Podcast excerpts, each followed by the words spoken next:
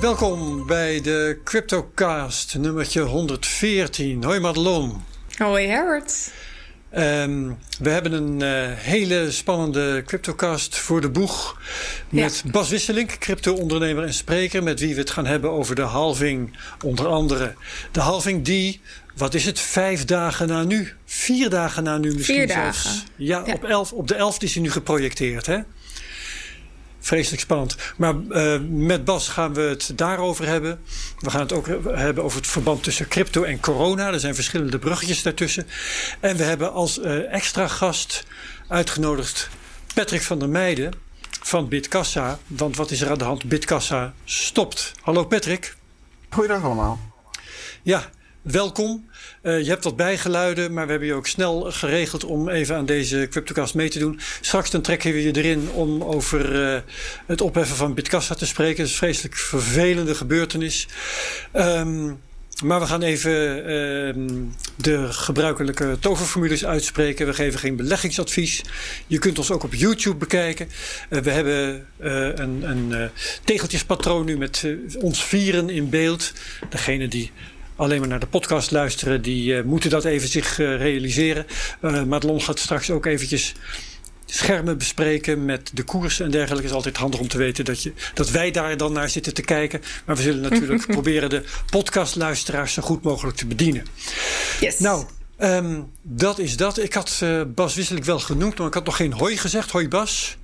Hallo. Want je bent er echt, gelukkig. Ik mooi ben er, ik ben er. Ja, we gaan uh, de he deze hele podcast door met jou praten. Maar ik geef eerst even het woord aan Madelon voor de prijsanalyse. Het gaat lekker, hè Madelon? Ja, het gaat uh, behoorlijk lekker, Herbert. Ik pak ondertussen even de uh, scherm erbij. Ik moet snel van het ene naar het andere scherm wisselen, maar ik heb hem hier staan. Kijk eens even. Ik ga jullie even verplaatsen naar onder als het lukt. Zo niet, dan Lukt het met de bandbreedte? Zien jullie iets op dit ja, moment? ik zie wel degelijk Ja, een plaatje hoor. Ja, Oh, met oké, eh, hartstikke die fijn. eh, prachtige stijgende lijn van de laatste dagen. Ja, precies. We zagen hier die, eh, die uitbraak van de koers. En dit was eh, begin mei, als ik me niet vergis.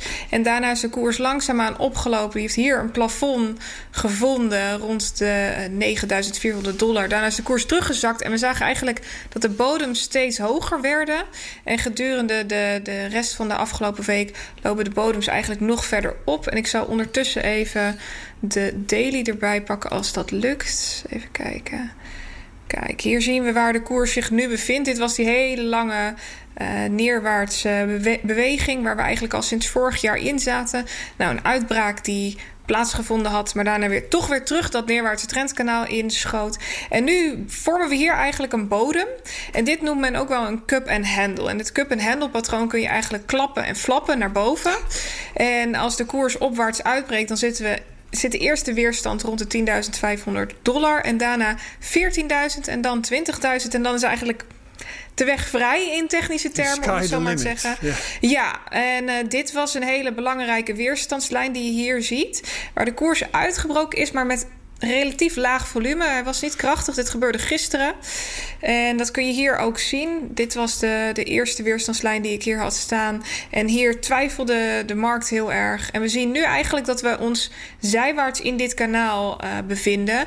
Mm -hmm. En um, ja, op dit moment is het even afwachten. Want die halving, dat gaat toch echt wel wat doen. Daar, uh, daar, wachten de handelaren op. We zien dat het volume wel ietsje meer toeneemt. Maar overal zitten we op een laag volume ten opzichte van uh, de momenten tijdens corona bijvoorbeeld. Dus ik wil wel iets meer volume in de markt zien voordat we die opwaartse trend kunnen bevestigen. En dan wil ik echt wel dat de koers boven de 9500 dollar uitschiet. En vanaf dat moment kunnen we ja, wellicht zelfs wel richting de 14.000 dollar gaan, Herbert. Ja, maar. Um... Jij zegt, verwacht nou wel iets van die halving. Wat uh, ik wel hier en daar las en zelf ook begon te denken. Dat is, ja, uh, men verwacht iets van die halving. Koopt zich dus vast in.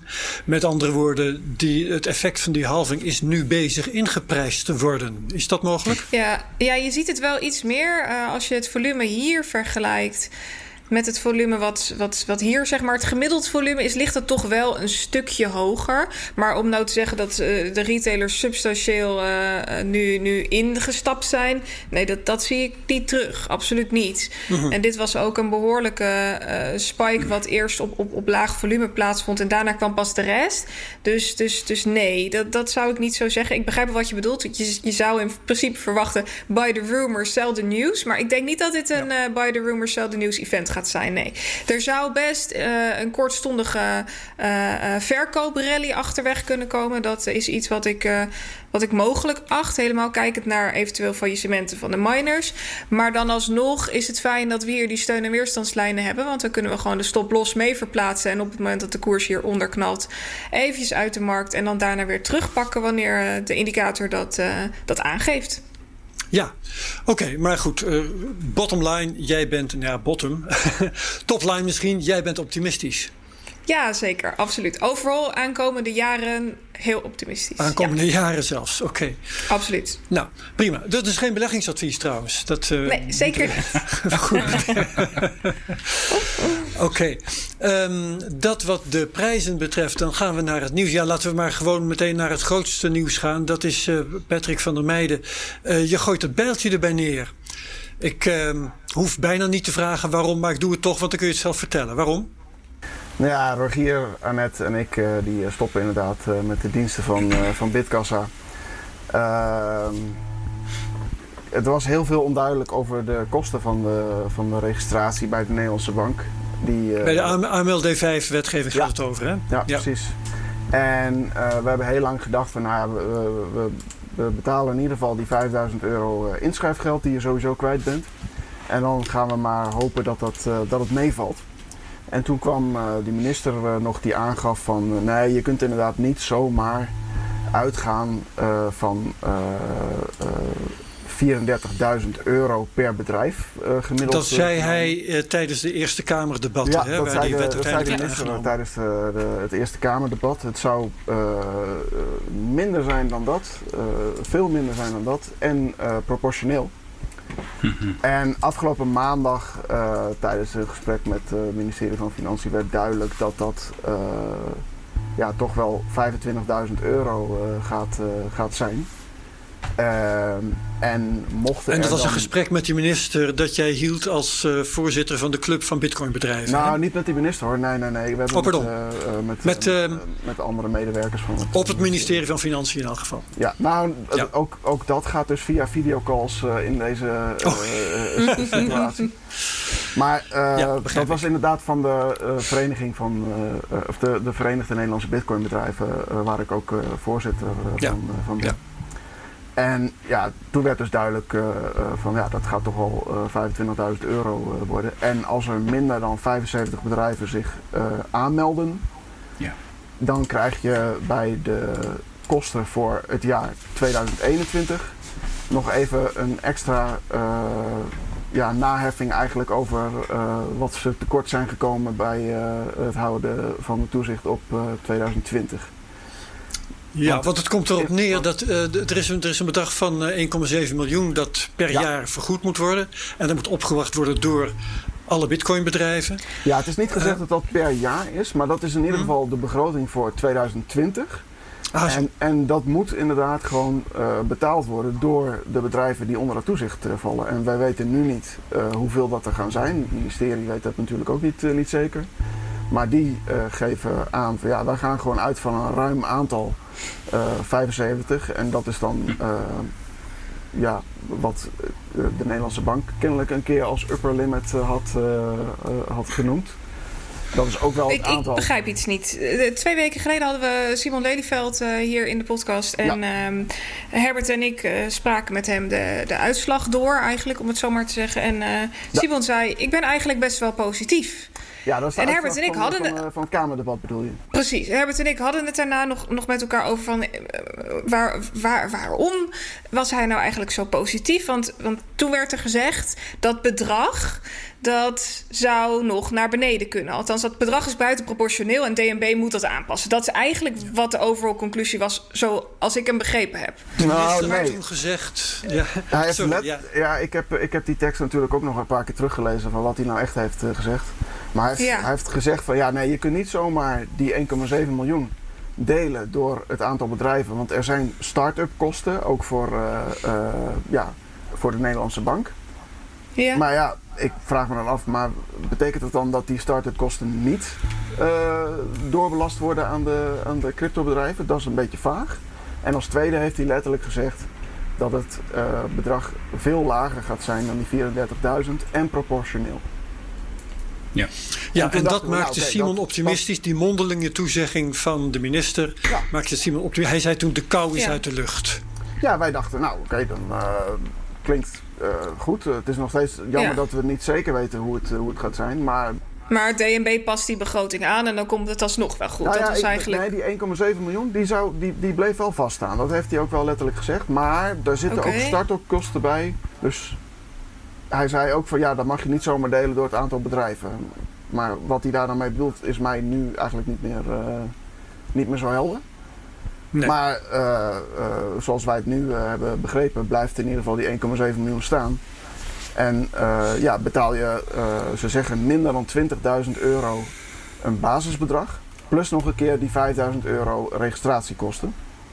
Dus dan zit je al, uh, en, en, ja, de, ze gaven zelf ook aan dat het niet de verwachting was dat het dan veel minder dan die 20.000 euro zou, uh, zou zijn. Dus ja, iets minder dan 25.000 euro, daar zou het op, uh, op, op en, en dat proportioneel, als ik nadenk over verschillende grote bedrijven binnen de cryptobranche, dan zou je daar toch nog een soort van gradatie in moeten kunnen maken? Of is dat ook niet? Ja, dat, uh, dat zou ik ook denken, uh, Madelon. En dat heb ik ook natuurlijk, dat was ook de verwachting. Maar ehm, ze geven aan van ja, wij weten nu niet wat de omzetten zijn van die verschillende bedrijven. Terwijl ik denk van dat kun je gewoon Kun je gewoon naar, nakijken? Uh, en, en, bij de registratie moeten we invullen dat we uh, de Belastingdienst uh, papieren ook overhandigen. Of dat ze dat in ieder geval mogen opvragen bij de Belastingdienst, wat er allemaal aangegeven. Maar nee, ze zeggen ja, het eerste jaar weten we dat niet. Ehm, en ja, dus het eerste jaar wordt het dan voor elk bedrijf hetzelfde. alleen een vast bedrag dus. En dan de kosten die dan eventueel nog kort komen om die begroting uh, te passen, zeg maar. Die worden dan volgend jaar uh, verheven. En dat zou dan eventueel nog wel proportioneel kunnen. Maar ja, dan zijn we al 25.000 euro verder. En eigenlijk weten we vrij zeker dat het dus nog meer gaat worden. Want ik geloof namelijk niet dat er 75 bedrijven zich gaan, gaan aanmelden. Dus, Want het, wordt wel gewoon, het totaalbedrijf wordt wel gewoon gedeeld door het aantal bedrijven. Ja, feitelijk uh, wel inderdaad. Alleen je krijgt die, die, die rekening krijg je dan niet meteen dit jaar. Maar Achteraf, ze geven al wel ja. aan van ja, maar dan moeten we dat dus wel uh, verrekenen met de kosten voor, uh, voor volgend ja. jaar. En, ja, en dat betekent dus ook dat als jij door, door zou gaan met je bedrijf nu, dat je dan volgend jaar vast zou zitten aan de kosten waarvan nu nog niet bekend is precies hoe groot ze zijn. Maar waarvan jij nu al wel zegt dat wordt sowieso meer dan wij kunnen dragen. Ja, nou, ik heb dus uh, nog een vraag ook uitstaan van wat is dan bijvoorbeeld het vaste bedrag aan kosten wat we volgend jaar gaan, uh, gaan krijgen? Gaat dat weer 20.000 euro zijn of misschien 5.000? En hoeveel wordt dan het variabele bedrag wat dan afhankelijk is van de omvang van je bedrijf? Maar daar heb ik nu nog geen, uh, geen reactie op, uh, op gehad. Denk je dat ze daar überhaupt al over nagedacht hebben? Nou, of dat ze eerst gewoon denken, we moeten dit zo snel mogelijk er doorheen drukken... en dan zien we daarna volgend jaar wel verder? Ja, ik kan me voorstellen dat ze die begroting inderdaad nog niet, uh, nog niet klaar hebben. Maar ik denk, ik vraag het maar. Kijk, wij moeten nu die keuze maken. En ja. voor ons was het gewoon uh, vrij duidelijk van oké, okay, uh, uh, want wat, wat, wat, we in dit hele verhaal nog niet eens meewegen, is dat het toezicht maar voor acht maanden geldt.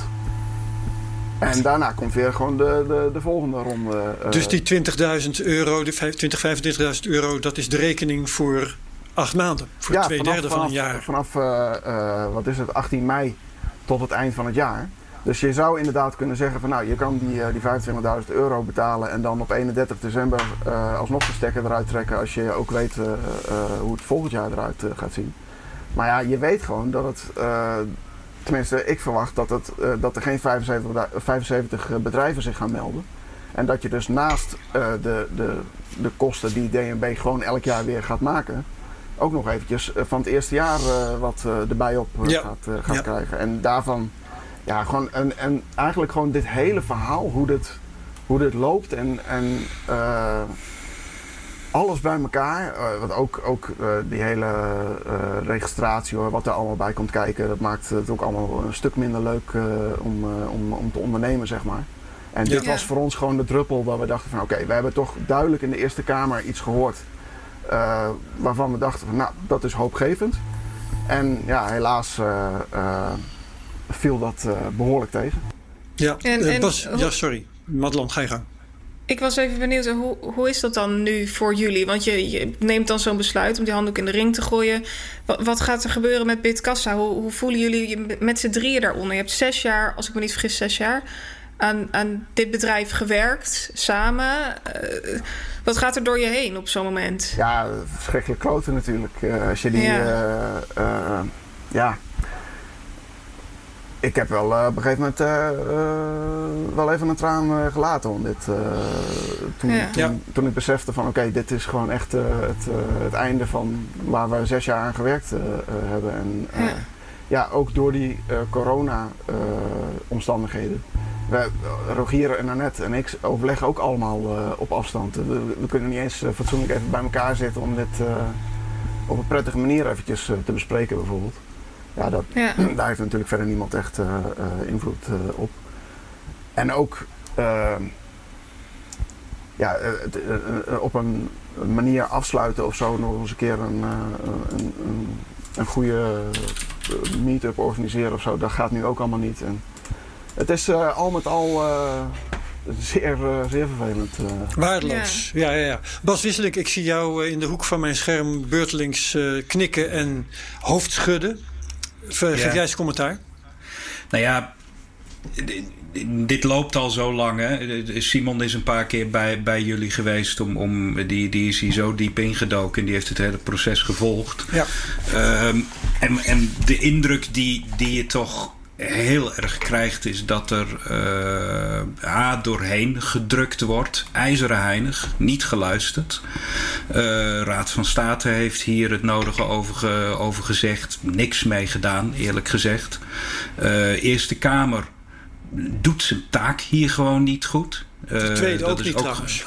Wat? Nee, de tweede, ook niet. Maar de eerste is een controle, heeft een controletaak. dus, dus de, en die, die hebben ze op een paar partijen na, met een paar vragen na, uh, gewoon slecht gedaan. Ze hebben er niet bovenop gezeten in elk geval. Dat is hè, als je nog maar als je bij uh, Simon uh, in zijn tijdlijn ook volgt hoe hij dat, dat debat bespreekt, dan zie je ook gewoon waar blijven de vragen. Ehm, ook heel veel verhullend taalgebruik. Ik, ik, bedoel, dat is een van de dingen waar ik, ik dan bovenop zit. Je noemt het de regulering, je, noemt het, hmm. je noemt het registratie, maar waarin verschilt het dan? Hè, substantieel van, van een vergunning in dit geval. Los van een, een paar procedurele dingen, maar het is wel heel heftig.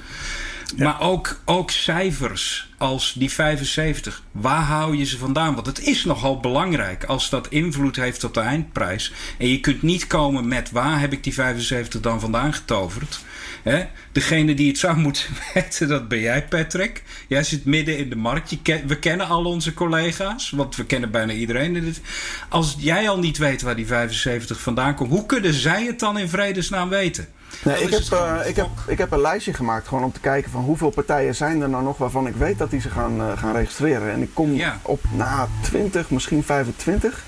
Nou, er zullen er nog een paar uit de hoge hoed uh, komen. ik heb van het ministerie van Financiën ook gehoord dat er buitenlandse partijen zijn die zich toch ja. gaan, gaan aanmelden. Nou, oké, okay, het zal wel. Maar ik, ik, het zou mij echt verbazen. Ja, maar Bas, als ik, als ik jou zo hoor, is, is het dan niet gewoon de bedoeling dat de crypto-bedrijven nu tezamen zeggen: hé hey jongens, er gaat hier gewoon zoveel mis. We moeten nu een, een, een, een streep trekken en uh, we, we doen helemaal niks totdat dit gewoon uit de lucht is? Nou ja, de, de vraag is welke machtsmiddelen, want daar gaat het hier om, heb je in handen? Ja. Uh, ik, er is al heel veel hierover gezegd. Er is al via de kanalen die er zijn verschrikkelijk veel actie ondernomen. Uh, als daar dan een raad van state, een onafhankelijk, uh, de, de, zegt: dit is inderdaad niet correct, maar een Eerste Kamer en daarna nog weer een Tweede Kamer en, en de partijen zelf laten het liggen. Welke machtsmiddelen heb je dan? Je kunt met z'n allen wel gaan zeggen: we gaan niks doen. Nou, dan weet ik wel wat er gebeurt. Dan zeggen ze, dan zeggen ze ja, zie je wel. Want dat is het stigma wat je al hebt. Dus, dus, dus je wordt heel erg in een hoek gedrukt. En ik kan mij als ondernemer, ik, ik, ik zou het ook niet doen. Want wat je eigenlijk, 18 mei moet hier geregistreerd worden. Dat is toch de datum, Patrick? Dat is, dat is de cut voor die, voor die datum moet je dat uh, ingediend hebben. Exact, dat is je keuze. Dus dan heb je nu nog elf dagen. Hè? Wanneer is dat debat geweest, is ook nog niet zo lang geleden. Dus je hebt een paar maanden om dit te beslissen. In onzekerheid. Er wordt je niet gezegd hoeveel je uiteindelijk neer moet leggen. Maar je zit er wel aan vast zodra je getekend hebt. Welke ondernemer tekent een blanco cheque? Ja. Wie doet dat? Niemand, niemand. A. Niemand zou het doen. B. Niemand zou het hoeven doen. En dat, is, en dat is hetgene waar, wat hier echt uh, zo frustrerend dan is. Je ziet mensen in een hoek geduwd worden. Er zijn een aantal die het ongetwijfeld kunnen dragen. Dat is allemaal heel erg leuk en aardig, maar een level playing field heb je totaal niet. En dat betekent dat innovatie dus ook niet mogelijk is op dat moment. Nee, dat, uh, dat houdt wel redelijk op inderdaad. En uh, ja, dus je ziet een aantal mensen zie je vertrekken naar het buitenland. Deribit. Ja, exact. Die, er zijn een aantal die naar Panama gaan. General Bytes gaat ook naar, wil ook naar Panama, heb ik begrepen. En uh, de, de mensen die dit General Bytes, vanuit... Voor de, voor de duidelijkheid, dat is het uh, bedrijf van Martijn Wismeijer. Hè? De ATM, uh, eh, de, de bitcoin geldautomaten. Ja. ja, en je ziet de kleintjes die... en over het algemeen, laten we heel eerlijk zijn. Dit is allemaal nog vanuit een... we opereren voor een groot gedeelte. Degene waarvan ik denk, daar zit de innovatie opereren vanuit een kleine basis. Dat zijn mensen die inderdaad uh, eigenlijk gewoon beginnen met: dit vinden we heel erg aardig, laten we hiermee starten en het dan uitbouwen tot een bedrijf als, als Bitkassa. Uh, waarvan jullie zelf ook heel eerlijk zeggen: we hebben het niet weten op te schalen in jullie brief. Hè? Zo van: we hebben een kleine basis. Maar dat is waar we zitten. We ik ben heel erg eerlijk ik, uh, in, in hoe ik het in ieder geval daar tegenaan kijk. De kleine bedrijven is waar je de innovatie op dit moment verwacht. De grote bedrijven die, die zijn voor een groot gedeelte aan het spiegelen op eigen, voor een groot gedeelte aan het namaken wat er op de traditionele markt al bestaat in de cryptojas.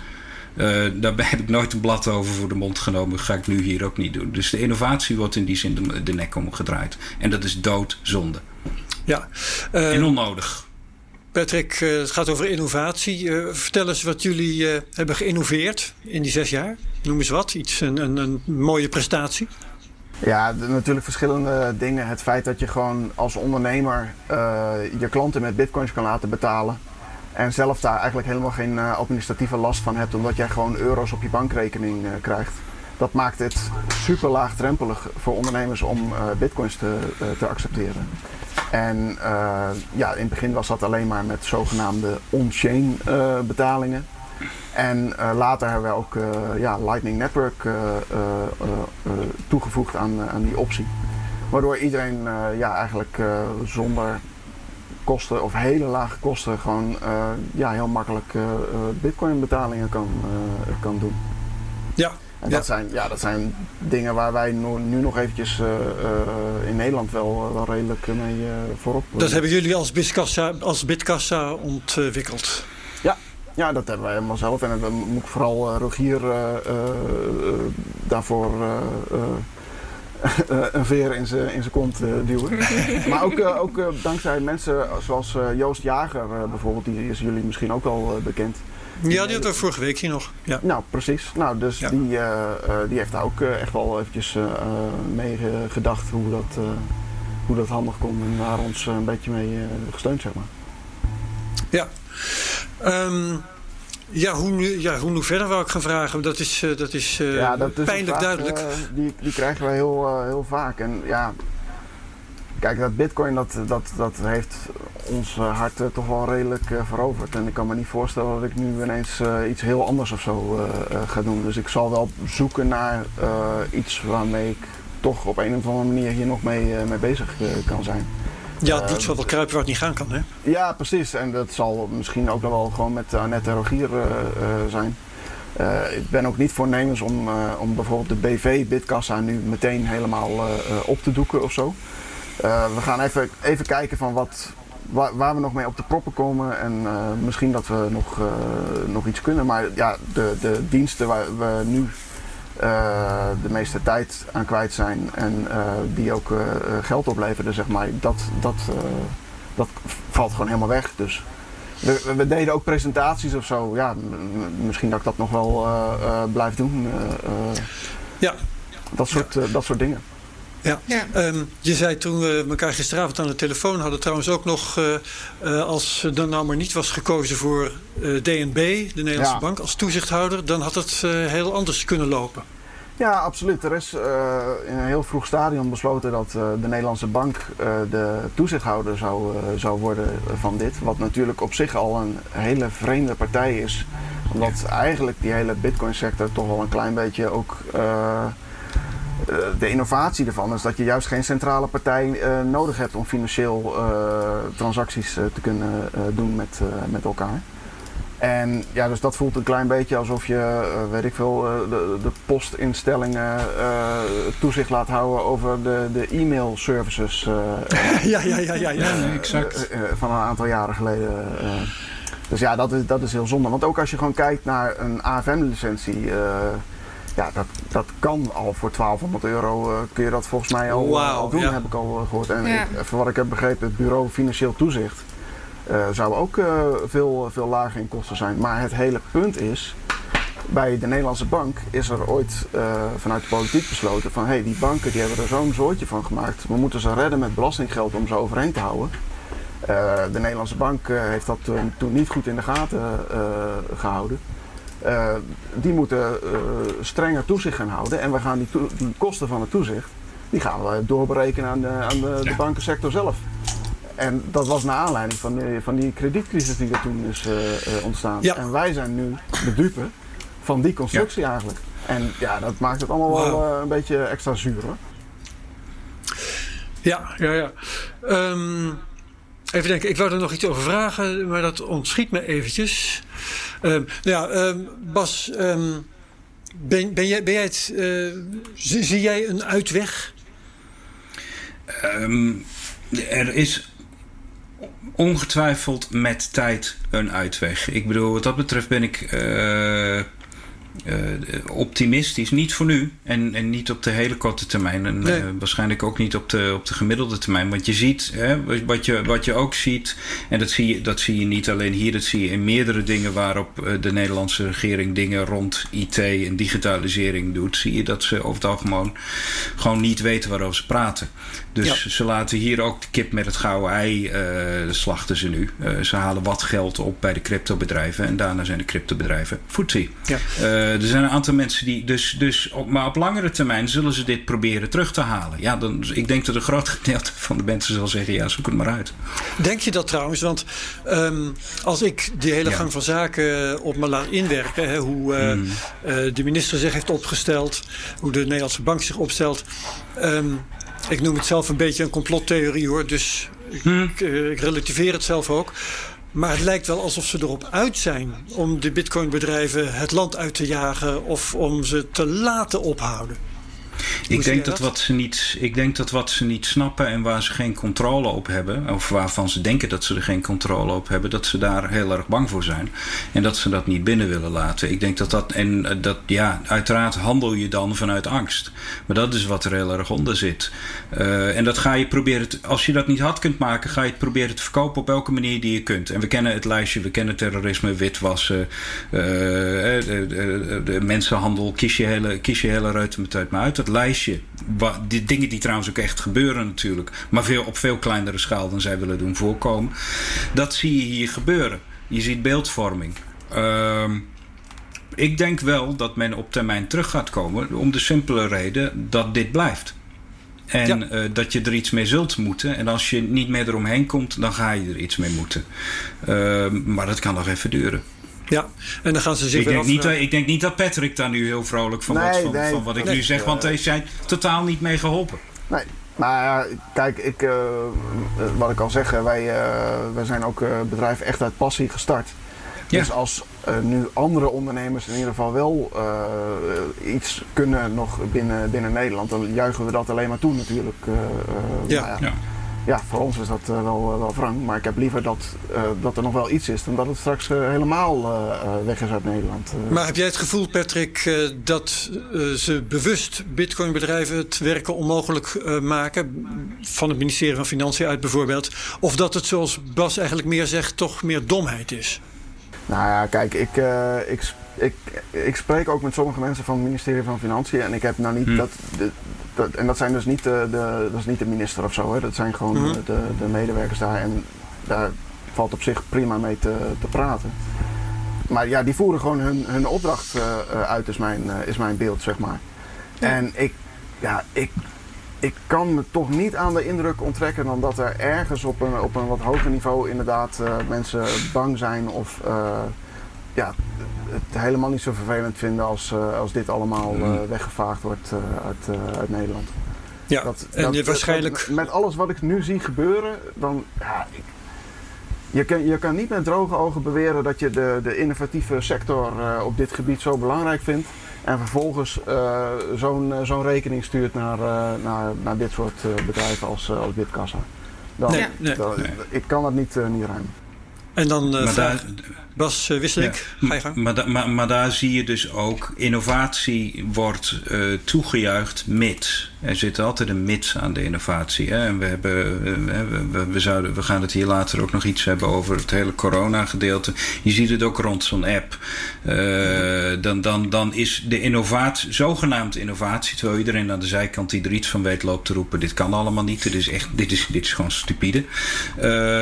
maar het lijkt innovatie. En ik heb het idee altijd bij, eh, bij de mensen waarmee ik spreek dat ze wel vooruit willen, maar mits het hun uh, wat zij doen niet in de weg loopt. Ja, als het maar wel per paard en wagen is.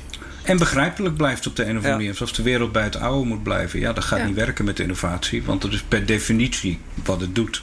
Ja, en dan vragen ze zich straks af... Eh, waarom uh, komt het nieuwe Google of het nieuwe Facebook niet uit Nederland... en intussen zitten Deribit en General Bytes in Panama. Ja.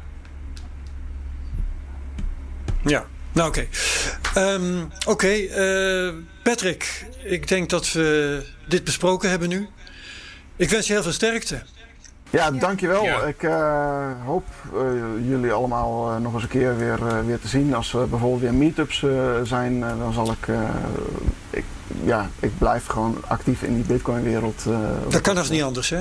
Ja, nee. en uh, ja, ik zie verder wel hoe het, uh, wat er op mijn pad komt en hoe het verder, okay. verder loopt. Exact. We hopen ontzettend om jou terug te zien als succesvol ondernemer op een dag. Absoluut. Ja, dankjewel. Ja. Top. Heel veel okay, succes dank. ook met jullie met de CryptoCast. Dat komt wel goed. Sterkte ermee, Patrick. Oké, okay, tot ziens. Oké, okay, bye bye. Doei. Goed, Bas Wisselink. Even diep ademhalen, jongens. Ja, jeetje. ja, waardeloos. Um, even kijken wat uh, we ook weer allemaal op het draaiboek hadden staan. Oh, ja, we waren met nieuws bezig. Hè. Dit was dus het nieuws van het verscheiden van Bitkassa. Echt, uh, dat, dat, hakt, dat hakt erin. Madelon, ja, um, ik uh, speel de Zwarte Piet door aan jou. Wat is jouw nieuws vandaag? Ja, ik pak hem er eventjes bij. Mijn nieuws dat, dat, dat valt echt gewoon in het niet vergeleken met, uh, met het nieuws wat we net besproken hebben. Maar goed, ja. ik vind het toch wel even uh, vermeldingswaardig. YouTube is, of, of, YouTube, Google is bezig met een, een nieuw algoritme. Dat wordt deze maand uitgerold. En um, dat heeft ook effect op YouTube. En dit Google-algoritme die lijkt Bitcoin te censureren. Hm. En het is wel heel toevallig dat dat precies voorafgaand aan de halving plaatsvindt. Ja. Uh, er zouden verschillende schaduwbands zijn opgelegd. En, en zo'n schaduwban, schaduwverbod, is eigenlijk indirect een, een manier om bepaalde artikelen of bepaalde video's uh, minder zichtbaar te laten zijn. Dus stel, ik maak een video op YouTube, ik zet daar het woord Bitcoin in. Dan wordt die niet aanbevolen aan de rechterkant met nieuwe video's. Of je ziet hem alleen maar als je het belletje aan hebt staan en je geabonneerd bent op een bepaald kanaal. Je kan hem niet vinden als je er in de zoekbalk op typt. Hetzelfde geldt voor woorden waar, of, of op voor uh, columns waar het woord Bitcoin in zit op Google zelf. Ja. En uh, er wordt dus door verschillende YouTubers, maar ook door verschillende uh, crypto nieuwsmedia online over, over gepraat dat dit, dat dit gaande is. En ja, het, het, feit dat dit vlak voor de halving gebeurt is ook wel weer interessant. We hebben natuurlijk eerder gezien dat YouTube bepaalde uh, kanalen helemaal uh, banden. Dus dat ging dan over een, over een andere benadering waarbij ze gewoon iedereen een strike gaven. Maar op deze manier zie je het niet. Dus dit is eigenlijk heel erg gemeen om het op deze manier toe te passen. En vooral namen als bijvoorbeeld Carl van the Moon, Ivan on Tech, Sunny Decree, Altcoin Daily. Allemaal grote crypto-accounts met Sommigen zelfs meer dan 100.000 uh, abonnees op YouTube die hier uh, de dupe van zijn. Ik heb uh, gelukkig in Nederland nog geen crypto nieuwsmedia of bitcoin nieuwsmedia als YouTubers hierover gehoord. Dus dat is nog, nou ja, oké. Maar uh, het feit dat dit überhaupt gebeurt en dat je dus op deze manier ziet dat YouTube en Google uh, totaal niet uh, onafhankelijk zijn, dat maakt ja. mij wel. Ja, zet mij gewoon aan de twijfel of ik überhaupt nog wel op YouTube wil zitten en of ik misschien niet naar een gedecentraliseerd platform moet. Er zijn, er zijn tal van opties en uh, die ben ik nu aan het uitpluizen. Ja, maar die zullen toch allemaal geen goed doen aan je views, denk ik. YouTube is toch wel de plek waar het gebeurt, of niet? Ja, dat is zeker waar. Maar ik denk dat als er meer content creators naar een, een ander platform toetrekken, ja. dat daar uh, sowieso meer mensen naartoe gaan. En dat trekt automatisch weer nieuwe creators aan. Dus dat is een. Ja een, een afwisseling. En misschien moet ik het eerst wel op beide plaatsen en doorlinken. Ja. Uh, ik, ik, ga hier in ieder geval even naar kijken. Want het, het geeft me geen prettig gevoel meer. Nee. Uh, uh, YouTube is voor mij... ja, ik, ik, vind, ik vind het ontzettend belangrijk dat ik mijn kennis kan delen. En als dat op de een of andere manier wordt geblokkeerd... doordat er één partij is die zegt... ik wil niet dat dit zichtbaar is voor mensen... dat ja. geeft me een naar gevoel. Maar merk jij het zelf aan je views... dat je moeilijker te vinden bent? Nee, eigenlijk niet. De afgelopen periode ging het juist uh, ontzettend goed. De views zijn best hoog in verhouding met wat ze normaliter zijn. Dat kan natuurlijk door corona zijn. Uh, maar dit is iets van de afgelopen twee dagen, twee, drie dagen dat ja. dit gebeurt. Uh, mijn laatste video is op maandag geüpload, dus ik kan daar nog niet heel erg iets over zeggen. Maar tot op heden heb ik er nog geen last van. Ja, oké. Okay. Um, dan heb ik nog ook, ne, daarvan zeg ik het zelf eigenlijk als jij, uh, Madelon, het valt in het niet bij het nieuws over Bitkassa. Maar um, het viel mij op in het nieuws dat in, terwijl we naar de halving toe leven, dat er allerlei variabelen de hoogte in schieten. Ik zag dat Mark van der Scheijs bijvoorbeeld, die vestigde daar de aandacht op, dat de blokfees omhoog gaan, hè, dus de, de kosten van uh, Bitcoin-transacties. Die gingen van, uh, ik geloof, zes dubbeltjes per transactie naar iets in de buurt van 3 dollar per, per transactie. Mm -hmm. um, de difficulty gaat naar een hoogtepunt. Wat dus betekent dat er uh, door veel meer miners langzamerhand ook gemined wordt. Dus die zien er blijkbaar nog altijd heil in. Uh, wat ook wel heel interessant was. misschien kun jij er wat van zeggen, Madelon. De yearly average is bijna op een all-time high geweest. Dus het uh, gemiddelde van de Bitcoin-koers over een heel jaar.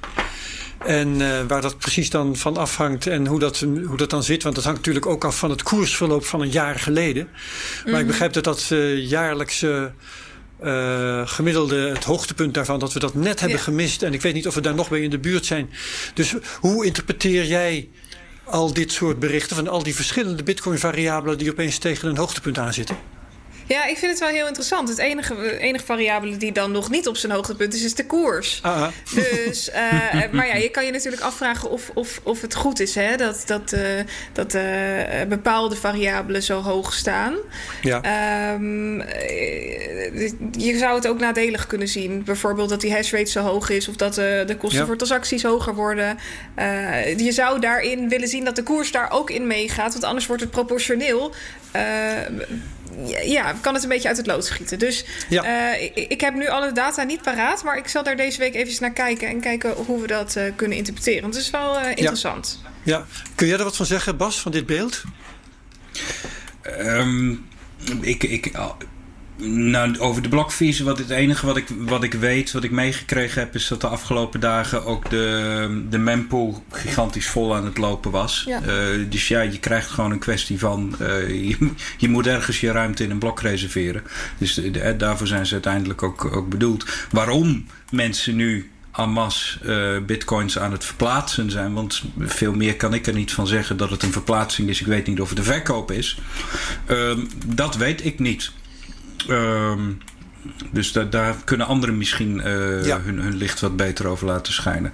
Maar ja, je ziet, hè, ik keek net nog even toen je het had over, toen Madelon aan het praten was over YouTube, keek ik even naar Google Trends. Ik denk, laat ik eens even Bitcoin halving nog een keer op de trends zetten. Ja. Die, schiet, die, is, die is, als we het over een all-time high hebben, dit is nog nooit zo hoog. ja, dat is echt uh, tof. Ja. En, de, en de prognose is echt dat het gigantisch uh, de lucht in gaat schieten. Oh ja. Dus ja, die dingen hangen samen. Als mensen interesse hebben, dan gaan ze ook dingen. Maar wat bedoel je dat de lucht in gaat schieten? Het zoeken naar de woorden Bitcoin-halving. Het, dus. het, het, ja, ja, het zoeken naar. Er is een grote interesse in wat dat dan in vredesnaam ja. is. We moeten wel rekening houden dat de meeste mensen die. De mensen die in 2017 ingestapt zijn, hebben nog nooit een halving meegemaakt. Nee, nee dat klopt. En, en dat is denk ik ook het grote verschil tussen vier jaar geleden en nu. Want in hmm. 2016 bij de laatste halving.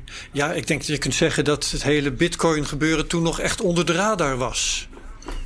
We zaten toen rond de 4, 500. Ja. Dus uh, qua prijs. En uh, de, de, de, de consensus van de buitenwereld was. Dat nou, nooit meer Bitcoin wat. Is het een, Bitcoin, Bitcoin is het in elk geval niet. Ja. Uh, dat was altcoin-tijd. En dat was uh, Ethereum-tijd. En dat was pre-ICO-tijd overigens nog, want dat begon daarna pas. Uh, dus dat was een volledig andere periode. De meeste mensen zouden hebben gezegd, en ik denk dat je daar ook vrij veel artikelen en, en, en uh, voorspe voorspellingen van kunt vinden. Hierna is het dood. In 2016. ja. Ja. Dat, dat zul je nu een, een, minderheid, een hele kleine minderheid. Maar die, uh, die aandacht die de halving nu krijgt, uh, je kunt je afvragen, of de Madelon laat dat eigenlijk ook wel een beetje doorschemeren. Je kunt je afvragen of dat wel zo fijn is. Want je krijgt allerlei verwachtingen hè, uh, en allerlei wisselwerkingen. Bijvoorbeeld nou ja, dat mensen op grond van die verwachtingen alvast beginnen te kopen. Of in elk geval hysterisch ja. beginnen te voorspellen. Of in ieder geval ja. als gekken gaan zoeken naar nou ja, allemaal van dat soort effecten. Waar dan weer conclusies uit worden getrokken die de markt beïnvloeden. Nou Kortom, ja, iedereen is door het dolle heen. Het weer een heerlijke sector. Het zitten we toch in een heerlijke sector. ik, vind het alleen, ik vind het fantastisch juist dat, dat we die soms, soms knettergekken, maar in ieder geval het enthousiasme hebben. Uh, dit is de derde keer dat we een halving hebben. Uh, mensen proberen heel veel patronen te extrapoleren uit iets wat twee keer hiervoor ja. gebeurd is en een hele andere situatie is. Want, we hebben, want de situatie is, er zijn veel meer mensen, het volume is veel hoger, het is veel meer in omloop. Er zit een hele andere markt omheen dan, dan vier jaar geleden en zeker dan acht jaar geleden, want in 2012 was het amper wat. Uh, dus het is heel moeilijk om daaruit te extrapoleren. Je kunt in ieder geval niet op basis van het verleden zeggen, zo gaat het. Dus in ieder geval lijkt mij ja, erg moeilijk. Madelon, jij zit uh, weer schermen dingen, tevoorschijn te halen. Ja, een van de dingen ah, die ik zo interessant vond was uh, die, die Bitcoin-having. Hebben we volgens mij twee weken geleden nog besproken, Herbert. En toen hmm. zaten we ongeveer hier. En je ziet dat, de, dat, dat er toch meer interesse in is. En of dat nou is omdat mensen bitcoin willen kopen... of dat ze gewoon willen weten wat bitcoin is en hoe die having ja, werkt. Maar ik moet wel Kijk, eventjes ja. verduidelijken wat, wat jij aan het doen bent. Want je hebt hier een uh, grafiek oh. van... Uh, die weergeeft hoeveel zoekacties er zijn of zo. Hè? Uh, naar, ja. okay. Op de term bitcoin having wereldwijd. En het grappige En je zegt, is, we waren toen hier toen... en hier. Dat was nou ja, nog ergens... Hier was ergens op 34 punten. Midden op een berg waar we nu op de top van zijn. Voorlopig Ja, 34 punten. En we zitten nu dan zeg maar op 100 punten. En even voor de beeldvorming. In, uh, in 2016, dus bij de tweede having, zaten we op 26 punten. Dus we zitten nu al ja. op 100 en het is twee weken geleden op 34. En twee weken geleden zei ik nog, weet je wat grappig is? Die Nederlanders die staan op plek 5. Die googelen uh, als vijf na meeste uh, op de having. En inmiddels staat Nederland op plek 1. Ja, dat komt door ons. Dus wij Nederlanders zoeken hier exact. met z'n allen massaal op. Nou, dat vind ik toch, uh, toch wel benoemenswaardig. Ja, ja, ja, compliment aan Nederland. Van, ja, dat is leuk. Voor goed opletten. Ja. hey, maar ja. Bas, heb jij nou zelf uh, verwachtingen uh, of, of zit jij zelf dingen goed in de gaten te houden in verband met de halving? En zo ja, wat? Nou ja, als je het over, over, over prijs hebt, dan, dan zien we nu ook de afgelopen, de afgelopen maand, denk ik, afgelopen twee maanden, dat, dat we, hè, we zijn ook afhankelijk van dingen waar we totaal geen controle over uh -huh. hebben. Dus hè, die, die, die coronadip, dat was, de, de, dat, dat was een wereldwijd fenomeen wat, wat deels extern was aan bitcoin. Uh, waar, we on, waar overigens de koers zich heel netjes gehouden heeft aan wat die kon doen. Dat vind ik dan wel weer heel erg aardig. Wat die kon ja. doen op grond van de modellen, uh, bedoel je? Ja, exact. ik bedoel, ik, ik, ik was ook even in, in lichte paniek op dat moment. Dat ik jezus, wat, wat kan. Maar dat was de algehele sfeer in paniek. Omdat niet alleen om Bitcoin, gewoon van wat kan hier allemaal gaan ja. gebeuren. Nou, ja. we, zitten in, we zitten in een stuk uh, rustiger vaarwater. Dus ik vermoed. Uh, wel met een totaal ander financieel beeld. Hè, met het geld bijdrukken en, en een economie waarvan we weten... Dit, dit gaat nog jaren ons bijblijven. Dat is totaal anders.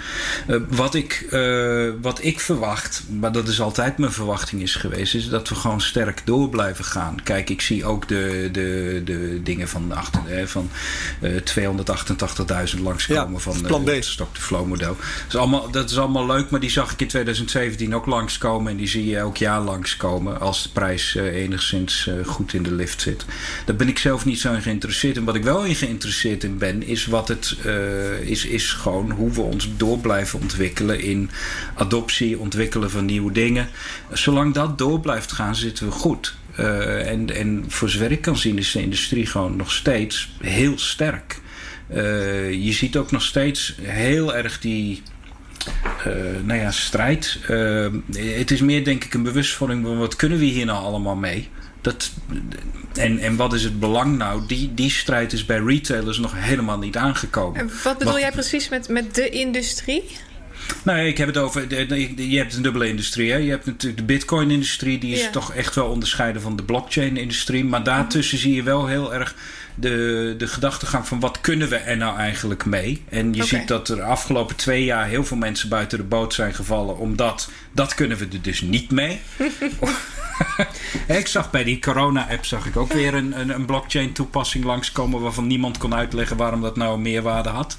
Dat valt een beetje in. in Gaan we zo nog even over hebben. Maar uh, maak eerst je verhaal. Ja, dat is prima. Ja. Uh, maar uh, ik, ik denk dat de Bitcoin-industrie, heel specifiek de Bitcoin-industrie, nog steeds heel sterk voor staat. De waardepropositie is heel sterk en ik denk dat die zich ook heel erg bewijst tegenover de, de nu bail-out-industrie die, die er nodig is om de economie in ieder geval enig vertrouwen te laten houden. En dat dus ik... ondanks dat de, uh, de, Nederlandse bank, dus de toezichthoudende partij, zulke strenge regels erop nahoudt, uh, doordat innovatie ja. de kop in wordt gedrukt. Ondanks dat vind je nog steeds dat we er nou, als Nederlandse industrie, blockchain, bitcoin, onafhankelijk van elkaar, uh, er goed voor staan? Er is een verschil, uh, denk ik. Je kunt innovatie zelf niet kop indrukken. Je kunt mensen niet ver verbieden te denken en te experimenteren. Dat is nooit een uh, goede tactiek gebleken. Hè? In mm -hmm. de hele historie niet. Wat je kunt verbieden is de uitingen van innovatie te ja. tonen en ermee te werken. Dat is wat ze nu aan het doen zijn. Ze zijn nu, de, de uitingen van innovatie die er gedaan zijn, die zijn ze, daar zijn ze een dam tegen aan het opwerken. Werpen. Wat gebeurt er als er een dam is? Daar komt druk achter. Die, die dam die houdt zolang als die houdt. Maar uh, zolang mensen dit interessant blijven vinden en hier waardevolle dingen op ontwikkelen, mm -hmm. gaat het gewoon simpelweg gebeuren. Uh, daar kun je geen tijdspad op geven. Want je weet niet hoeveel weerstand dat daar daadwerkelijk tegen is. Maar ik, ben, ik, ik maak me daar absoluut geen zorgen over. Dus als het niet in Nederland is, dan is het wel ergens anders, zeg jij? En als het ergens anders is, is het ook in Nederland. Want dat is het meest fantastische aan het hele geheel. Scherp. Dus het, maakt niet uit, het maakt niet uit waar het de kop op steekt. Als het iets nuttigs is, is het een globaal middel. Ja. En dan kun je als land heel erg lang proberen de deur dicht te houden. En dat zullen ze ook doen. En dan kun je dingen, dan kun je, dan kun je belastingen opzetten. Daar kun je regulering opzetten. Je kunt er verboden opzetten. Hoewel dat uitermate moeilijk zal zijn. Ehm, en dan breekt de dam op een bepaald moment. Zo zie ik het. Ehm, dus als technologie, als ding wat het is, heeft het waarde. Uh, de meeste mensen hebben geen idee wat de waardepropositie is, omdat ze het probleem nog niet tegengekomen zijn, omdat ze nog niet door hebben of nog niet hebben gezien dat hun geld in één keer uh, heel onzeker wordt. Dat hebben we voor. En daar mag je uh, voor, de, voor die mensen zelf heel dankbaar voor zijn. Want het is geen leuke periode als zoiets gebeurt. Als het gebeurt, dan hebben we. Nou ja, dan heb je de traditionele outlets om je waarde in vast te leggen. En met een beetje geluk. En ik vermoed dat ik, ik schat die kans vrij hoog in. Ook Bitcoin. Ja. Je ziet hoe sterk het zich houdt binnen deze crisis. Ja. En je hebt het nu over een mogelijke situatie niet... waarbij het geld waardeloos wordt. Of in elk geval minder waardevol. Nou, waardeloos of in ieder geval onbetrouwbaar. Ja. Uh, waarin, waarin het vertrouwen erin significant omlaag gaat. Kijk, mensen klagen wel over we vertrouwen de regering niet, vertrouwen zus en zo. Maar als zich dat niet omzet in handelingen, is er niks aan de hand voor een regering. Ja. Op het moment dat het dat doet en het vertrouwen zou echt een gigantische dip nemen, dan heb je een probleem. En dan zie je ook vluchten naar waar de vastere dingen zoals vastgoed, goud, dat soort dingen ja. gaan. Uh, en ik wou uh, nog even focussen op die halving. Want uh, ja. Nou ja, die, is, die is vastgelegd in, uh, in het, het Bitcoin-protocol, in de Bitcoin-software. Hè, die, dat, dat gebeurt gewoon. Um, mm. Maar het is wel een keus geweest. Het is een keus geweest van ja. de bedenker of de bedenkers. Of dat nou Satoshi Nakamoto heet of, of dat het een groepje gasten is geweest. En ja. Wat ik jou zou willen voorleggen, misschien kun je daar iets zinnigs over zeggen. Was dat nou eigenlijk wel een hele slimme keus om ervoor te zorgen dat elke vier jaar die beloning voor die miners naar beneden knalt met een factor 2? Dat is Ja. niet kinderachtig. Je had natuurlijk net zo makkelijk ervoor kunnen zorgen dat het elke maand maar dan met een fractie omlaag zou gaan. Dan had je niet die belachelijke schokken in de markt waar we ons nu, uh, ja, we, aan de ene kant likken we onze vingers erbij af, aan de andere kant, sommige mensen vinden het misschien, en voor miners is het toch even schrikken en aanpassen op zijn allerminst. Maar uh, kortom, uh, had dat nou niet beter gekund? Uh, ik, ik, denk dat. Je hebt me, jullie hebben me gevraagd om over die vraag na te denken van tevoren, dus dat heb ik ook gedaan. Mooi zo. En, uh, mijn, mijn, mijn, uh, mijn antwoord zou zijn: ik denk, dat het, ik denk dat de vraag in de context niet correct is. Hm. Ja, zou, zouden we het anders willen zien en zou dat andere effect hebben? Jazeker. het leuke aan en het goede aan Bitcoin is we zitten ermee. en we kunnen dat niet meer veranderen. En dus moeten we ons leven inrichten om daar iets mee te Ja. doen. En dat zie je. En dat, en dat doet een markt ook. Kijk, op het moment dat jij goud vindt, om die analogie even aan te houden, dan heeft dat een aantal eigenschappen. Het is geel, het is zacht. Uh, het heeft een bepaald smeltpunt. Het kan bepaalde dingen wel, uh, kan bepaalde dingen ook niet. Je moet geen wapens van goud maken, want het is niet te tillen en, en je slaat nog. Hè, en het, het trekt direct krom. Dus daar richt je je markt op in. Je gaat het voor bepaalde dingen wel, voor bepaalde dingen niet. Dat is zoals het nu de situatie simpelweg is. Uh, was het beter geweest? Je, een aantal altcoins hebben het ook wel degelijk zo geprobeerd. Die hebben hun altcoin systeems met een, met een soort veel uh, geleidelijkere uh, halving gedaan. Ehm, nadeel is, het waren altcoins Ja. die, die een kleine basis hadden. Dus, nee, maar het blijkt dus, het- waarmee je ook aantoont dat het dus geen noodzakelijke eigenschap is om het een succes te maken. Oké. Ik, eh, eh, ik denk dat het, het meer is hoe gaan we er nu mee om en hoe. En, en je kunt heel leuk analyseren. Wat doet het dan met zo'n markt? Het is elke keer een gigantische schok. Maar het is ook gewoon een eigenschap van wat we hebben op dit Ja. moment. Bitcoin is. En ik vind dat een kracht. Uh, op het moment dat je de vraag gaat stellen: hadden we het niet anders moeten doen, zit er bijna altijd de vraag in: zullen we het niet anders doen? Ja. En die vraag is niet relevant bij Bitcoin. Uh, je mag hem stellen, maar de kans dat je het ooit voor elkaar krijgt is zodanig klein dat je moet het ermee doen. Ja. En, het doet, en, en dat, heeft, ja, dat bepaalt, geeft een bepaalde uh, ja. effect. En, en uh, na verloop van tijd, laten we zeggen een paar halvings na nu, uh, ja. dan, dan gaat het ook geleidelijker. Hè? Want uh, uh, die, hmm. die halvings, nou goed, gaat telkens gaat er de helft vanaf. je kunt ja. denk ik er niet van uitgaan dat elke vier jaar die koers maar weer verdubbelt. In elk geval zal die nee. um, ergens in de volgende eeuw, stel dat we allemaal dan nog, dat de mensheid dan nog bestaat en dat bitcoin dan nog bestaat, dan heb je op een gegeven moment een, een, een, een, een halving van twee satoshi naar één satoshi. Uh, waarschijnlijk zijn dan al lang de fees zodanig dat die uh, het leeuwendeel van de beloning van de miners op zich. Dus die, die wat, wat ik uh, zei dat misschien gewenst was, geleidelijker ehm, terugschroeven van die beloning, dat krijg je op den duur vanzelf. Denk je dat dat zo is of niet? Ja, nee, de laatste volledige bitcoin die wij zien als bitcoin... en ik vermoed dat op een bepaald moment dat concept ook gewoon echt gaat verdwijnen... als we in satoshis uh, werken, uh, is, is in 2032 al. He, iedereen heeft het altijd over. Uh, iedereen heeft het altijd over. Bitcoins worden gemined tot 2140. Maar dat zijn zulke kleine hoeveelheden. Dat is, dat, is al, dat is al over een tiental jaren. Of iets meer dan een tiental ja. jaren. Zijn de hele bitcoins. hebben we al niet meer in uitgaven. Dat is ja. dan al weg. Ja, ja, ja. Dat is heel dichtbij. Uh, dus. Uh, ja, dan zijn, we, dan zijn we de grote. Dan is het leeuwendeel. Dan is het eigenlijk dan zit je, want het is een asymptoot, uh, dan zit je bijna al op nul uitgifte. Nou ja, tenzij de bitcoin dan miljoenen waard is. Kan, kan. Het, het, ik, ik werd hier toen, toen ik nog veel presentaties gaf rond 2016, werd deze vraag me heel vaak gesteld. Ja, maar hoe gaat het dan met die mining fees? En gaat dat, gaat dat de boel wel dekken? Ja. En als je heel eerlijk bent, is het enige eerlijke antwoord: geen idee. Er kan, we, we hebben nog steeds een risico. En het risico, het is mooi om te zien, het wordt kleiner en kleiner. We hebben een risico dat op een bepaald moment uh, de boel zodanig omslaat dat de miners niet genoeg eruit kunnen halen. En dan klapt de boel. Dat is nog steeds, dit is nog steeds iets wat ja. alleen maar geprojecteerd is. We willen dat het zo werkt. En het moet zo werken, wil het blijven bestaan. Maar de zekerheid hebben we niet, want je kunt het ook niet afdwingen. Je kunt mensen namelijk niet dwingen om fees te betalen. Dat moet de markt waarderen. Ja. Mens, hè, eind 2017, ik heb, ik heb die, die grafiek ook nu uh, toevallig voor me liggen, om, omdat jullie ook iets zeiden over dat de fees zo omhoog schoten. Kijk, eind 2014 zaten we op 100 dollar per transactie. Eind 2017 bedoel je? 20, 2017, ja. sorry, 100 dollar. Ja. Dat was een piek, maar mensen deden het wel. Ja.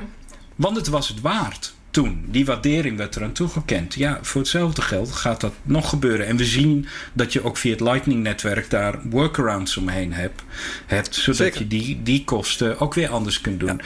Het leuke is, niemand kan dat soort dingen als zodanig projecteren. Het is, het is een beetje hetzelfde als, als toen in 1900 werd er, een, werd er een, een, een, wedstrijd uitgeschreven over het jaar 2000. Wat verwacht je? En wat mensen doen is dat er de toekomst, de, het, het heden dat ze kennen, projecteren in de toekomst. Ja. Dus wat verwachten ze aan innovaties? Stofzuigers in de stoeprand om de paardenpoep weg te zuigen. Ja, precies. Dat was, snap je? Ja. Maar de auto was totaal afwezig. Tuurlijk, ja. Dus, en en dat, dat zie ik ook in dit soort voorspellingen. Wat denk je dat er met die fees gebeurt? Uh, als het zo is als nu, dan gaan ze stijgen. Maar we weten nee, niet of het nee, zo is als nee. nu. Duidelijk. Maar Lon, heb jij nog dingen te vragen over de halving? Of zullen we naar het fenomeen corona overstappen? Uh, ik kijk nog heel eventjes in de tweets, Herbert. Want oh, ja. heb ik net op elkaar onder een rijtje gezet. Uh, onder elkaar op een rijtje, zo. Uh, even kijken. Eh, er is een vraag van bridging met allemaal R'en. En die vraagt eh, aan, aan jou, Bas... wat het grootste verschil gaat zijn...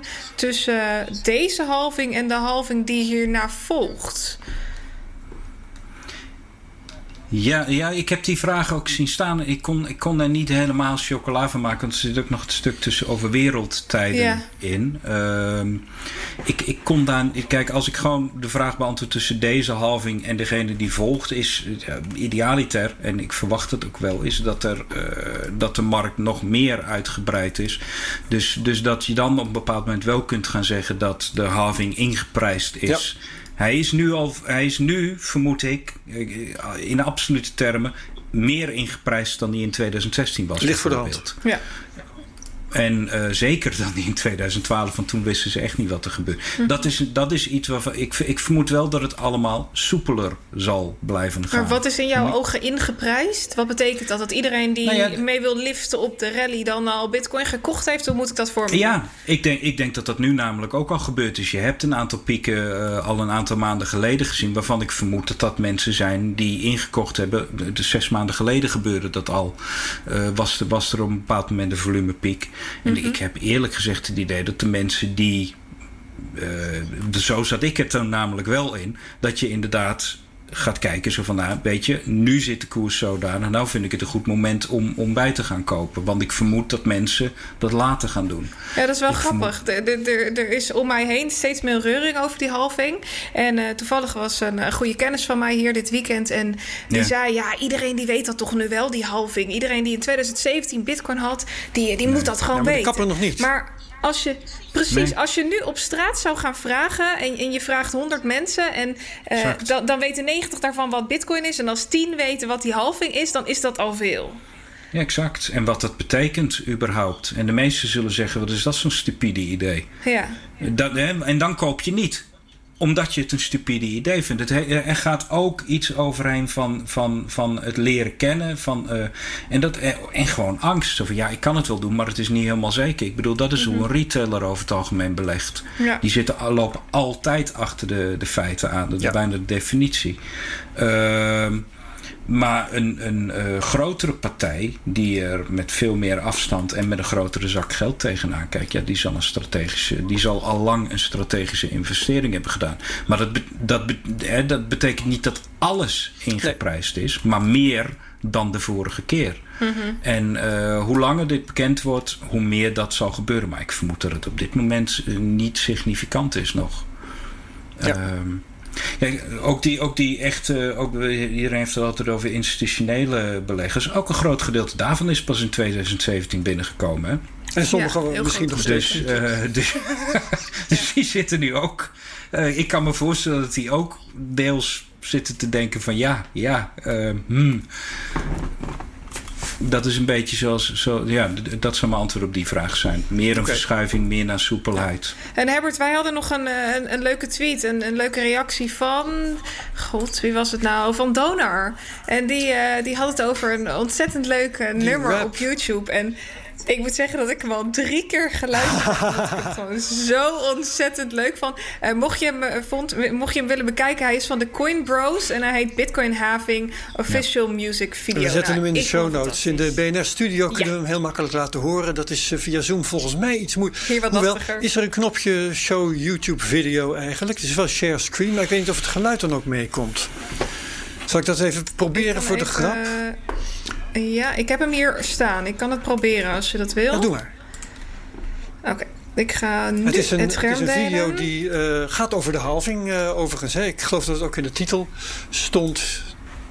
Ja, we hebben het beeld in elk geval nu wel. Maar het... Horen jullie iets? Nee, ik hoor namelijk heel hard geluid. Oh, wij, wij niet. Ik, ik tenminste niet. Niks. Ah, jammer. Helaas. Okay, dit is nog het inleidende toneelstukje. En deze gasten die uh, laten elkaar van alles zien. En uiteindelijk barsten ze los in een rap die, uh, die ik zelfs leuk vond. hey, hoe vind je dat? Kijk. Oké, okay, maar we zetten hem dus in de show notes. Kan iedereen voor zichzelf gaan bekijken. Waren er verder nog interessante vragen over de halving, Madelon, voor Bas? Of laten we het even hierbij? Uh, nee, dat was het. Ja, de tijd uh, gaat ook goed. Ja, Bas, jij bent ziek geweest. Uh, ja. Een paar weken geleden. En je bent niet getest. Maar jouw vermoeden nee. was wel dat het corona was. nou ja, mijn vermoeden. Nee, het, ik sta er, je moet het aannemen. Zeker toen. Dit was net na, uh, na wat we dan de lockdown mhm. noemen. Uh, koorts, koorts, slap, hoesten, kies je, kies je alles maar uit. En je moet er uh, van uitgaan. Dus ja, met z'n allen extra volledig in lockdown thuis zitten. En, en toch de nodige angst hebben ook. van ja, als en dan. En toen kenden, wisten we veel minder. Dit, was je erg ellendig? In maart. Ja. Ja, de, gewoon lamlendig, geen energie. En, en koorts heb ik echt al jaren niet gehad. Dus, uh, en heeft jouw gezin het uh, verder ook gehad? Of is het tot jou beperkt gebleven? Nee, Nee, zij zijn gelukkig uh, gevrijwaard gebleven. Die zijn blijkbaar uh, van wat stevigers uh, gebouwd dan ik. Ja. Maar uh, ja, het was wel inderdaad uh, al je contact. Kijk, we hebben nu toch redelijk hier en daar nog wel contact. Maar uh, dat was echt toen zeker. Al het contact stilleggen. Niemand zien. die mensen aan de deur weren. bijna het idee van wat je had. dat je onrein op de voordeur gaat. kom, niet in, kom, kom, kom, niet in de buurt. Ja, ja, ja. ja. Nou goed, we, we, hebben het hier in de Cryptocast ook al diverse keren over corona gehad. Het was onder andere omdat de broertjes Slachter van Lekker Cryptisch zich daar ook mee bezighouden. Uh, maar er zijn natuurlijk ook wel verbanden tussen corona en crypto. Al was het maar bijvoorbeeld dat de coronacrisis uh, aardige slachting heeft aangericht op de bitcoinmarkt. Hmm. Tenminste op het moment dat, dat die lockdowns uh, in werking gingen. Ehm, ja. Wat zie jij voor verband tussen, tussen crypto en corona? Nou ja, ik, de af, het is voornamelijk in de manier waarop je kijkt naar de, naar de dingen die nu ingesteld worden vanuit regeringen om, uh, om dit een halt toe te mhm. roepen. Hè? Waarvan we weten dat moet ook. Uh, want anders hebben we echt een, uh, een groot probleem met z'n allen. De, en, en een van de dingen waar ik me de afgelopen weken heel erg druk mee bezig gehouden heb. En waar ik, wat ook een thema is waar ik me, me professioneel mee bezig ga. Is inderdaad dingen zoals apps en hoe, hoe privacy dingen zich daarmee verhouden tot, tot de effecten. En, je, en ik vind dat een enge uh, beweging. Ik, uh, ik, ik moet één ding zeggen. De Nederlandse regering heeft wat heeft mij betreft echt applaus verdiend... voor de manier waarop ze dat weekend uh, toen georganiseerd hebben. alles in de openheid. Iedereen kon meepraten. iedereen kon ook instappen en, en, en, en een slag doen om, om die app te ontwikkelen. Daarmee hebben ze zich kwetsbaar opgesteld. Waarvan ik zou zeggen, doen we voortaan bij alle belangrijke software aanbestedingen. Lijkt me fantastisch. Um, ook omdat het, ook omdat het de, de kennis van mensen die uiteindelijk zo'n app op hun telefoon hebben, vergroot over wat het allemaal doet. Maar de manier waarop ze makkelijk bovenop zo'n middel doken, zonder door te hebben wat de lange termijn gevolgen Je bedoelt, zijn, we doen het met een app. Dat vind je te makkelijk, ja, te makkelijk Ik vond het schokkend. Ik vond het zeker, zeker zij, en dan verwijs ik ook een beetje terug naar wat ik net tegen Patrick zei, zeker zij zouden beter moeten weten. Zij zouden moeten weten wat, wat uh, een digitale infrastructuur voor schade aan kan richten na deze uh, ramp. Als we dat ding hebben, zijn er zoveel mogelijkheden om er of door derden of door de overheid zelf misbruik ja. van te maken misbruik zoals gedefinieerd in hun eigen wet overigens. Hè? In, de, in de wet gewoon. Je mag bepaalde dingen niet doen met onze gegevens. Maar als je ze eenmaal hebt, wordt het wel heel verleidelijk. Mm -hmm. dat vond ik echt schokkend. En ik ben heel blij dat er zoveel weerwoord tegen kwam. En binnen crypto mis ik die discussie ook heel vaak. Want uh, het, crypto, bitcoin, komt voort uit die beweging die heel erg privacy gerelateerd is. Uh, de cypherpunks, die, die, mensen wellicht kennen, uh, waar de, heel veel van de ontwikkelaars, zoals uh, Adam Beck en dergelijke, uit Phoenix Abo komen uit die groep voort, die waren juist heel erg op privacy.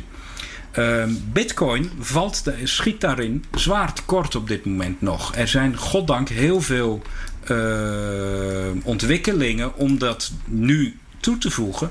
Maar een van de dingen waar Bitcoin, en daar moeten we eerlijk over zijn, denk ik, echt nog tekort in schiet, is in privacybescherming. Het is heel moeilijk voor een leek, en dat is het belangrijkste, voor een gewone gebruiker om uh, zijn privacy te beschermen met crypto. Ja, Bijna alle crypto. Um, ben ik wel benieuwd wat je daar precies onder verstaat. Want um, als het erom gaat uh, dat je als je een betaling doet, dat het duidelijk is van wie die betaling komt, bijvoorbeeld. Dan is ja. dat in het normale geldverkeer, uh, dat door banken wordt geregeld, is het ook volstrekt standaard dat zichtbaar is wie er betaalt en ja. aan wie het uh, enzovoort. Kortom, wat, wat, wat beschouw jij dan eigenlijk als privacy in geldzaken? Nou ja, we hebben het, privacy, hier komt de verwarring tussen privacy en anonimiteit. Okay. En uh, anonimiteit is een middel tot privacy. Eén van mm -hmm. de middelen. Anonimiteit betekent dat je niet gekend wordt. Privacy betekent dat jij beslist wanneer je gekend sure. wordt. Ja. En uh, dat is het grote. Het is, uh, privacy heeft een controle-element. Ik kan ervoor kiezen, als ik een bepaald iets wil doen, om bepaalde, bepaalde persoonlijke gegevens beschikbaar te maken aan degene. Aan alleen degene die daar nodig heeft. Ja, en dan ook alleen de gegevens die hij nodig heeft. Bijvoorbeeld dat je boven een bepaalde ja. leeftijd bent of boven een bepaald inkomen zit exact. of wat dan ook. En dat is, dat is nu niet aan de hand. Je lekken. Uh, je, wordt, je lekt verplicht. Uh, een, een voorbeeld dat niet direct aan crypto zit, maar dat het misschien wat begrijpelijker zou maken, vind ik zelf altijd een mooie, is als je auto rijdt. Als jij auto rijdt met je mobieltje dan, uh, en, en überhaupt met je auto, dan rij je van A naar B. Dat is een handeling die, waar jij voor kiest. Uh, tegenwoordig zit een auto zodanig vol met sensoren en is zo verknoopt met, uh, met een, uh, een, Internet of Things geheel. Niet alleen via de computers, maar ook door de mobieltjes die je op zak hebt, de sensoren die de auto zelf al heeft. Is dat je tegenwoordig een andere handeling doet. Jij rijdt van A naar B en deelt je gegevens met x aantal partijen. Dat delen van gegevens heb jij geen controle over. En dus verandert wat je doet. Jij bent ook een record aan het schrijven. Ja. Uh, je bent een, en, en daar heb je geen keuze over. Want als je dat niet doet, dan functioneert je auto over het algemeen niet goed meer.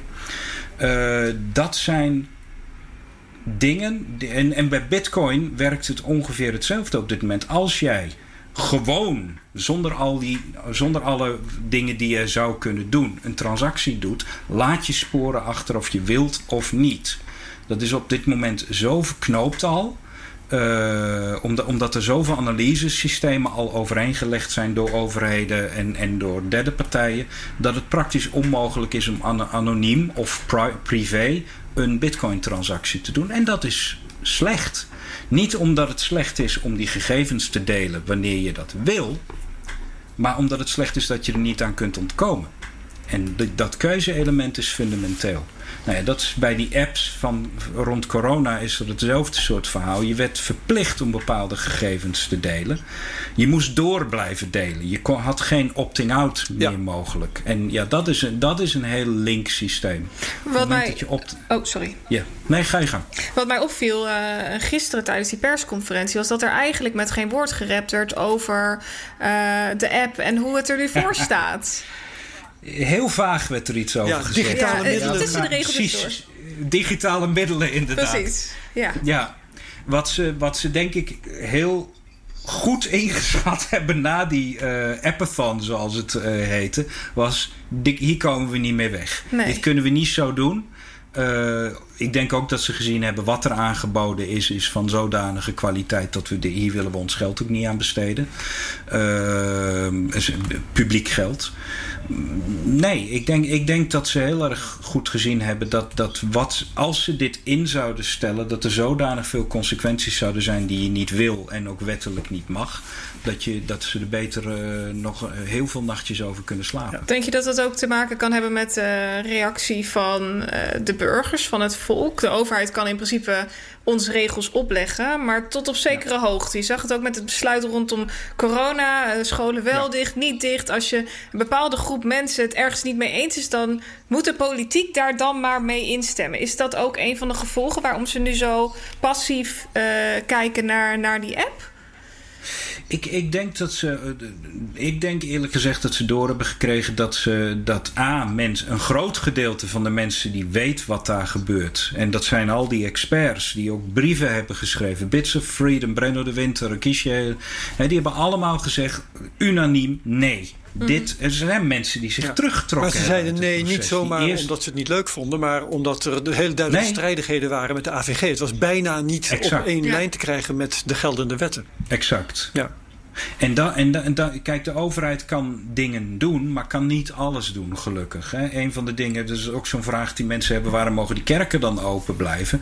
Nou, met 30 mensen heeft daar ook mee te maken. Dit is iets wat in de grondwet staat. En je kunt niet zomaar iets volledig dichtgooien.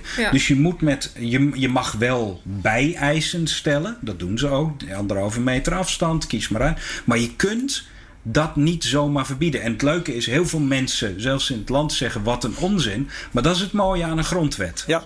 Zelfs als zij het onzin, is dat recht beschermd. En dat is iets.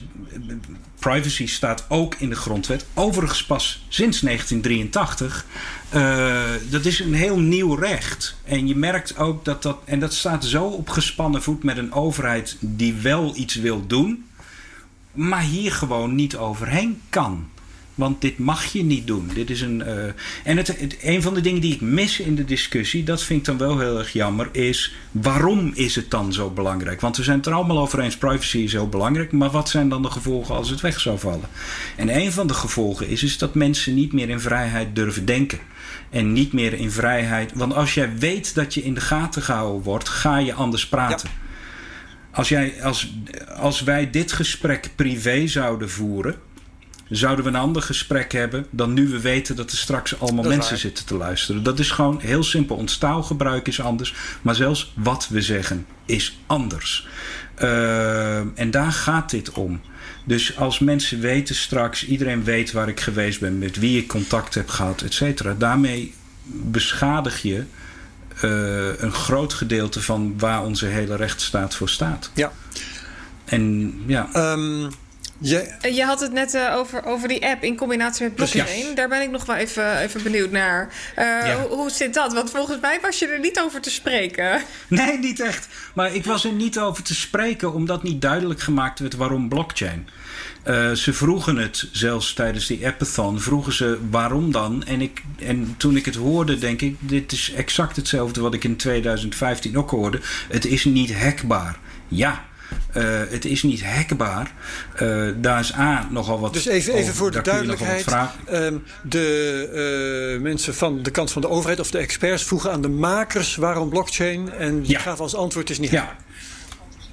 Het is niet hackbaar en daar kun je heel wat dingen over zeggen. A, afhankelijk van welke blockchain je hebt, uh, en dit was een vrij redelijk kleine, is het wel degelijk hackbaar natuurlijk, maar heel zichtbaar hackbaar.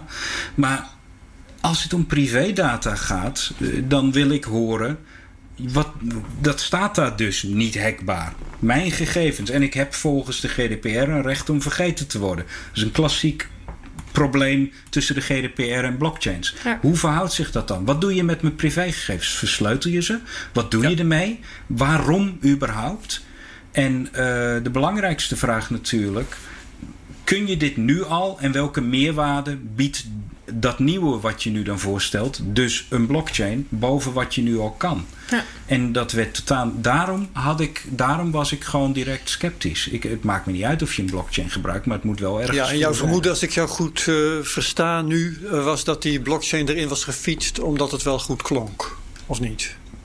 Het, eh, ja, het klonk wel goed. En wat je daarna ook zag gebeuren is toen ik die kritiek gaf Terwijl de, het, het grootste bezwaar tegen deze app was überhaupt... dit was de app die ook gelekt had tijdens het weekend. Ah. Dus, dus daar, daar werd daarna Je hoeft hem niet eens te hacken. En toen zag je... Nee, nee, exact. Ze hadden hem al geprehackt. Uh, en nou ja, dat is, dat, is, dat is hilarisch op zich. Maar wat je daarna zag gebeuren is inderdaad dat de mensen van wie die blockchain was... op Twitter de mensen die kritiek hadden op het lek gingen aanvallen. En dat ging niet over die blockchain. Het ging over het feit dat die app gewoon überhaupt slecht mhm. was. En dat, was, dat is dan ook een raar eh, iets wat je ziet gebeuren. Uh, en, die, nou ja, en die blockchain die bleek dus ook niet nodig te zijn. Het bleek gewoon een rommelig product te zijn. En ik denk dat je daar gewoon kritiek op moet ja, hebben. groot gelijk. Oké. Ehm, ik had nog wat andere steekwoorden staan. Open source, openheid en zo. Um, waar je daar nog dingen over kwijt? Nou ja, het hangt in deze. Hangt, uh, om het een beetje te knopen naar wat we eerder, eerder zeiden, ook over wat je over die halving zei. En heeft dat nou, wat voor, uh, hadden we dat niet anders kunnen doen? Maar ook bij zo'n bij zo'n app. Uh, ook bij Bitcoin in het algemeen. Een van de dingen die van belang is bij opens. Daarom was ik zo blij met die overheid die het dus inderdaad in openheid deed. Dat was fantastisch. Hebben ook, hebben ook overal vanuit de open source beweging daar uh, dank voor gekregen en applaus. Terecht. Want dit is, uh, het is belangrijk om veel ogen te hebben. Uh, het heeft ook het voordeel, juist die hele openheid van Bitcoin, is dat je het dus niet makkelijk kunt veranderen. We werken vanuit een nee-mits model. Uh, we doen niks behalve als er een hele goede reden is. Uh, en ik denk dat dat, ik denk dat, dat heel uh, cruciaal is. Ook, ook uh, als, als we kijken na zo'n halving. Nee, dit is waar we het mee hebben te doen. Um, en en ik, even kijken, ik begin nu mijn draad kwijt te raken.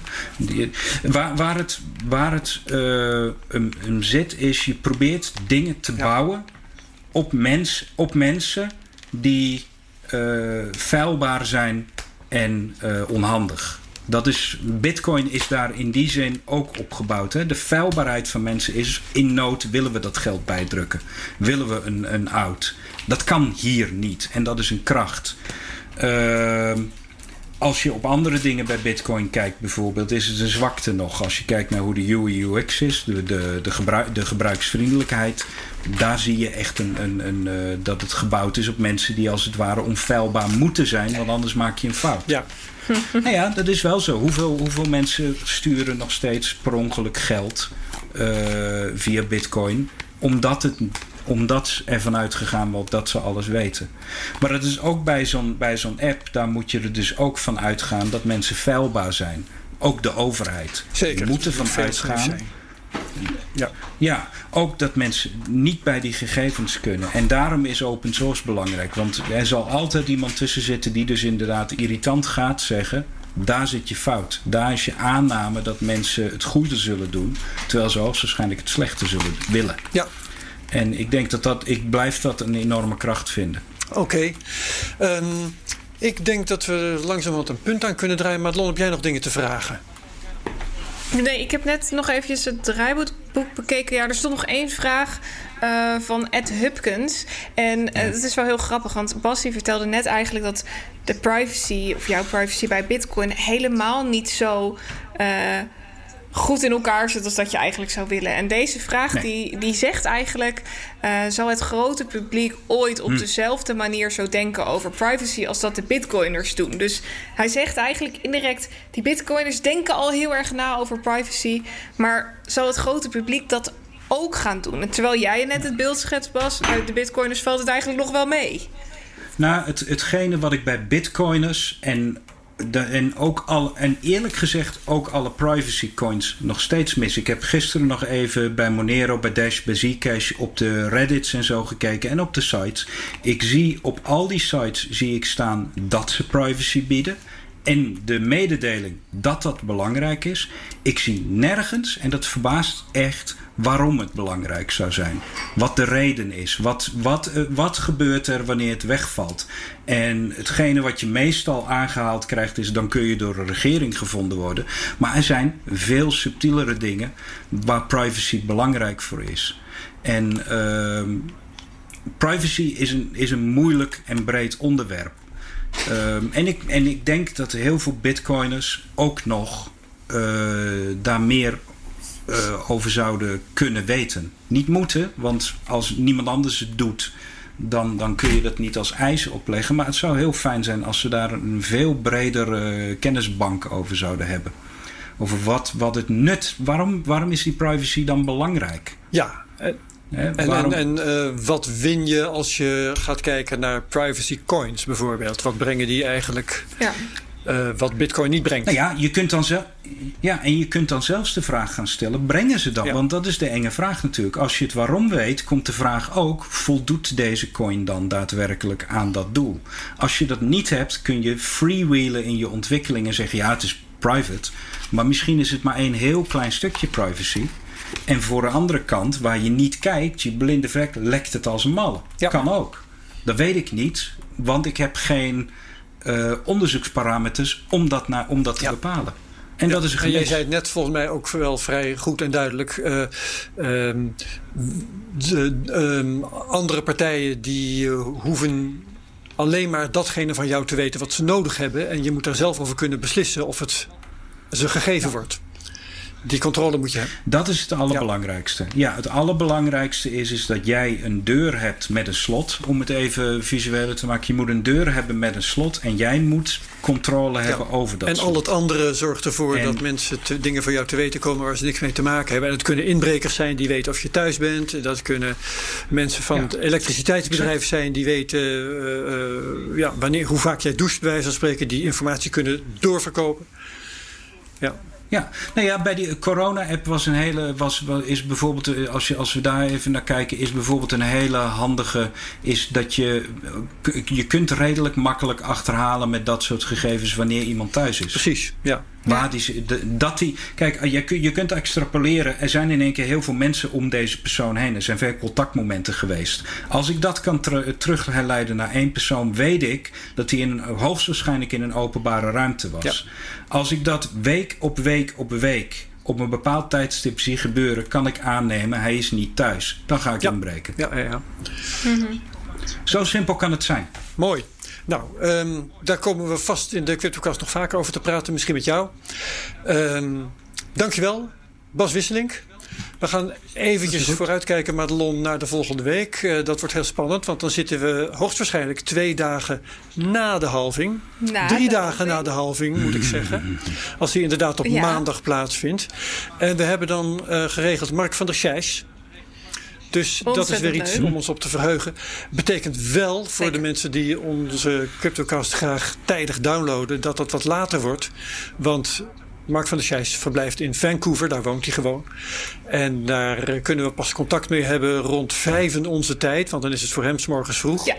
Dus dat wordt gewoon donderdag wat later in de avond voordat die CryptoCast klaar is. Intussen kun je ons liken op Twitter. CryptoCast NL. Je kunt reviews maken op iTunes. Je kunt ons liken, subscriben en nog iets op eh, YouTube. Ja, daar. Op het knopje drukken. Mochten we gecensureerd worden, dan krijg je in ieder geval een melding als we weer een nieuwe video online ja, hebben nou staan. dat. Precies, reageer kan ook nog volgens mij.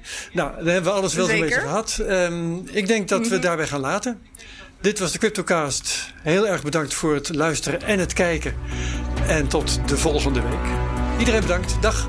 Doei doei.